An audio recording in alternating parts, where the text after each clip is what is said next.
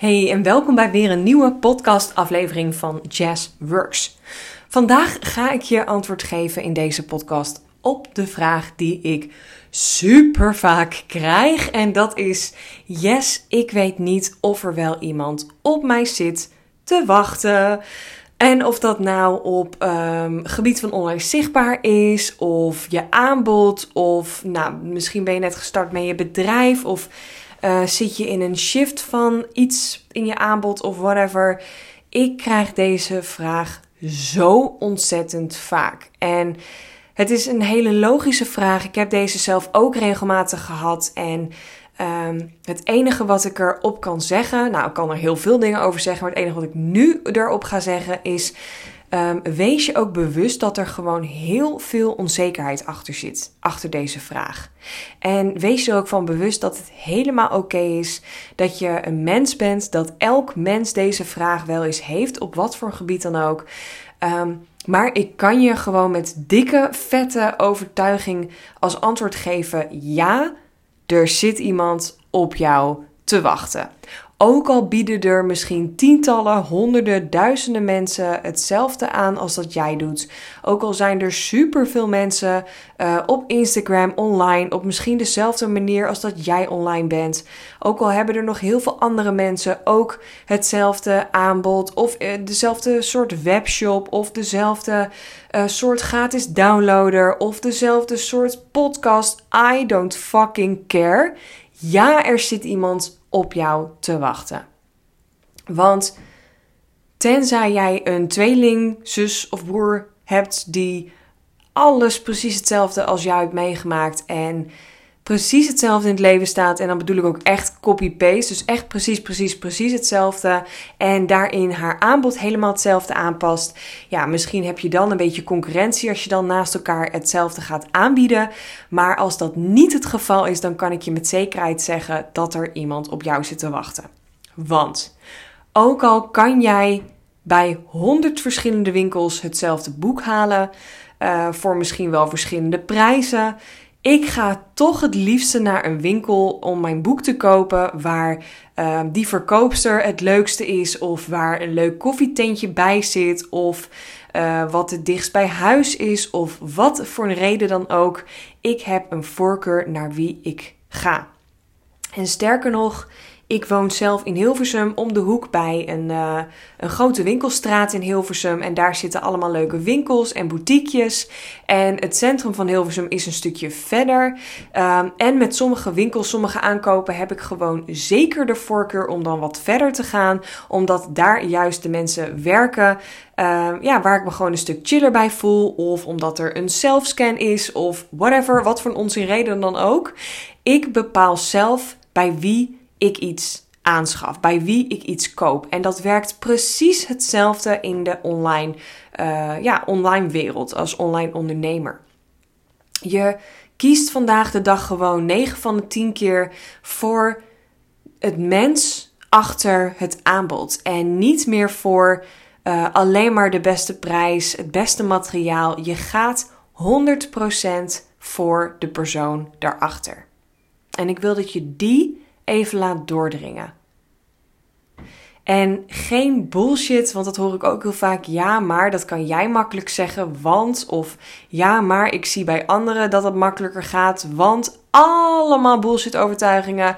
Want ik heb nog niet zo lang ervaring. Of anderen zijn daar beter in. Of anderen hebben een beter aanbod. Of vragen juist meer. Of nou, whatever. Het maakt allemaal echt geen kont uit. En ik vind gewoon heel erg, daarom vind ik het wel belangrijk om hier een podcast over op te nemen. Omdat deze vraag zo ontzettend vaak terug blijft komen. En uh, over en over en over blijft het gewoon een bullshit overtuiging. Een overtuiging vanuit tekort. Vanuit onzekerheid. Vanuit een tekort aan zelfvertrouwen. En dat is super logisch en super herkenbaar. En trust me, ik heb het ook nog steeds af en toe. Maar veel minder omdat ik me ervan bewust ben, omdat ik weet dat er iemand op mij zit te wachten. En op het moment dat ik super laag in mijn zelfvertrouwen zit, dan kan ik altijd naar mijn vriend toe of naar mijn beste vriendin of zelfs een klant waar ik nog mee samenwerk en even vragen van hey, ik doe het goed toch? Of geef me even een bevestiging. Of whatever. Of ik pak even de reviews erbij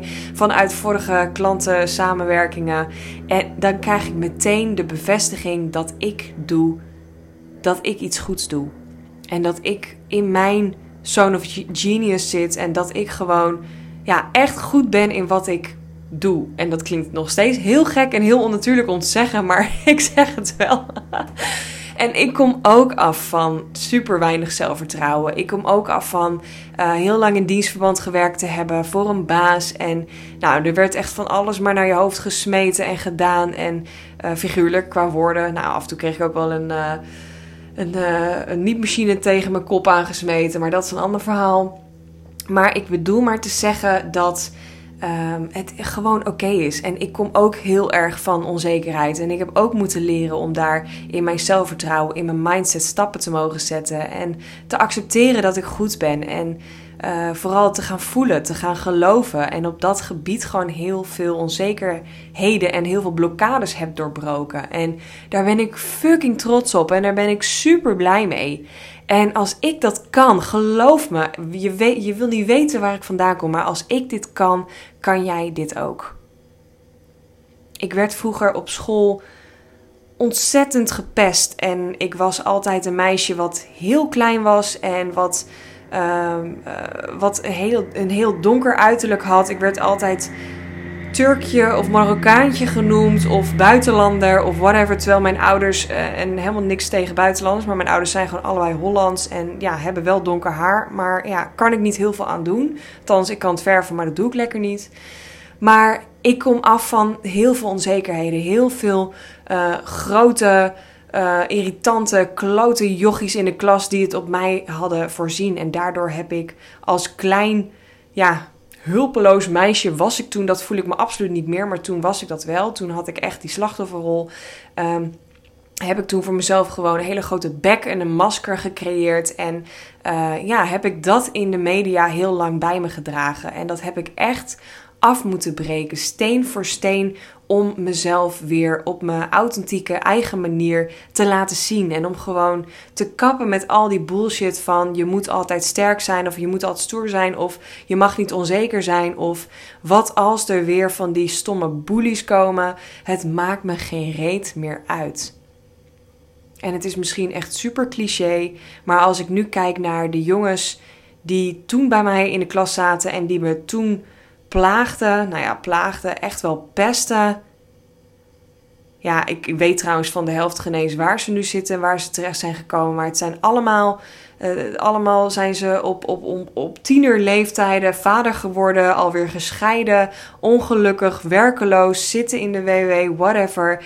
Maar ze zijn denk ik niet gelukkig. En dat kan ik natuurlijk niet voor hun allemaal bepalen.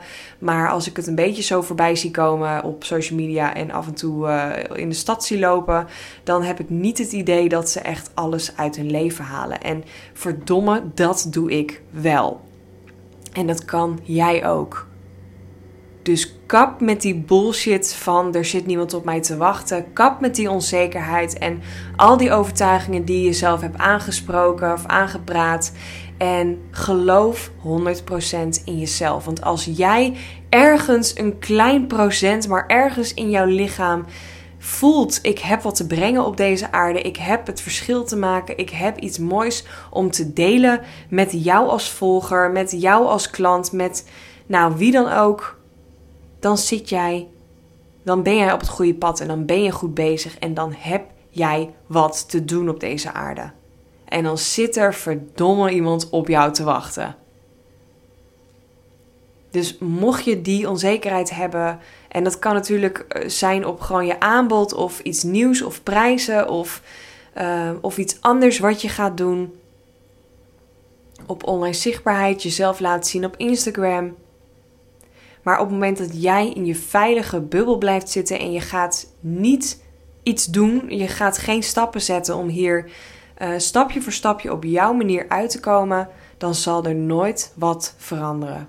En dan blijf je voor altijd en eeuwig in die veilige bubbel zitten, maar dan zal jij niet alles uit je leven halen. En wat mij gewoon echt super veel drive geeft, is om te bedenken in mijn achterhoofd te houden: als ik ooit, en ik hoop dat nog heel lang gaat duren, maar als ik ooit op mijn sterfbed lig, dan wil ik niet denken en geen overtuiging hebben. Wat als ik dat wel had gedaan? En wat als ik wel mijn hart achteraan was gegaan? En wat als ik wel mijn baan had opgezegd en echt helemaal volledig voor mijn ding was gegaan? Wat ik nu dus doe. Dat is echt mijn grootste kracht, veer ter wereld. En ik wil gewoon niet zo'n leven, dit leven beëindigen vanuit tekort. Vanuit had ik dat maar gedaan. Je hoort echt allemaal vliegtuigen overkomen. Ik zit vandaag te werken in een pupowagen naast het vliegveld en ze hebben er zin in. Ook dat hoort erbij, is lekker niet perfect. Boeien, ga ik er niet uithalen. Maar bedenk echt wat jij te brengen hebt op deze aarde. En stop met die bullshit overtuiging. Er zit niemand op me te wachten. Ehm, als jij iets hebt geprobeerd op gebied van je online zichtbaarheid, je aanbod, uh, sales tactiek, uh, marketingstrategie. En jij hebt dit dag na dag, week na week, maand na maand, bijvoorbeeld een jaar volgehouden. En je merkt na dat jaar. Oh, die was heel hard. Anyways, je merkt na dat jaar, in jaren heb ik het over, 365 dagen dat het niet heeft gewerkt, dat er niemand op heeft gereageerd, dat je geen kennismakingsgesprek hebt gehad, geen potentiële nieuwe klant, niemand heeft laten weten: oh, je inspireert mij of ik heb wat aan dit of whatever. Na een jaar mag je je gaan afvragen: oké, zit ik op de goede weg? Heb ik de juiste strategieën? En is dit oké? Of mag ik misschien wat bijschaven? Maar voor dat jaar wil ik geen bullshit horen met ja, ik heb één keer een story gepost, ik heb één keer een bericht op Insta, ik heb één keer iets gepromoot en er reageert niemand, dus er zit niemand op mij te wachten. Of ik heb net een week een zakelijk Instagram-account en niemand volgt me, dus ik kap ermee. Dat is geen winnaarsmentaliteit. Dat is echt vanuit tekort ondernemen. Jezelf niet serieus nemen, niet de tijd gunnen voor je volgers, je potentiële klanten om je te vinden, om het te laten zakken. Dus kap met die bullshit en stuur me alsjeblieft een DM op het moment dat jij wel zo'n doorbraak hebt en denkt: oké, let's go. Nu heb ik er zin in, nu ben ik er klaar voor. En er zit iemand op me te wachten. Wie, dat weet ik nog niet. En wanneer en waar weet ik ook nog niet. Maar ik heb er super veel zin in om hier achter te komen. Want dat kan. Dat kan voor jou, dat kan voor mij, dat kan voor ons allemaal. Zo'n uh, rijmpje. Daarmee sluit ik hem ook af. ik wens jou een hele fijne dag en ik spreek je weer in een volgende podcast.